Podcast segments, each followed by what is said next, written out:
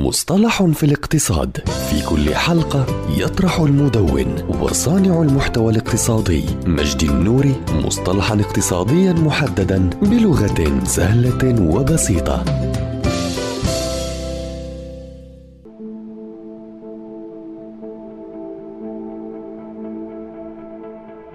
اقتصاد السعادة. اقتصاديات السعادة أو اقتصاد السعادة هو الدراسة الكمية والنظرية للسعادة والوجدان الإيجابي والسلبي والرفاهية وجودة الحياة والرضا عن الحياة ومفاهيم أخرى ذات صلة. ويعنى عادة بارتباط الاقتصاد مع مجالات أخرى مثل علم النفس والصحة وعلم الاجتماع. وعادة ما يتعامل اقتصاد السعادة مع التدابير المتعلقة بالسعادة كأمر يتوجب تعظيمه بدلا من التعامل مع الثروة أو الدخل أو الربح وقد شهد هذا المجال نموا كبيرا منذ أواخر القرن العشرين وذلك من خلال تطوير أساليبه ودراساته الاستقصائية ومؤشراته المستخدمة لقياس السعادة والمفاهيم الأخرى ذات الصلة. وتوصف النتائج التي يتوصل إليها في هذا المجال على أنها تحدي في وجهة مهنة الاقتصاد التقليدي.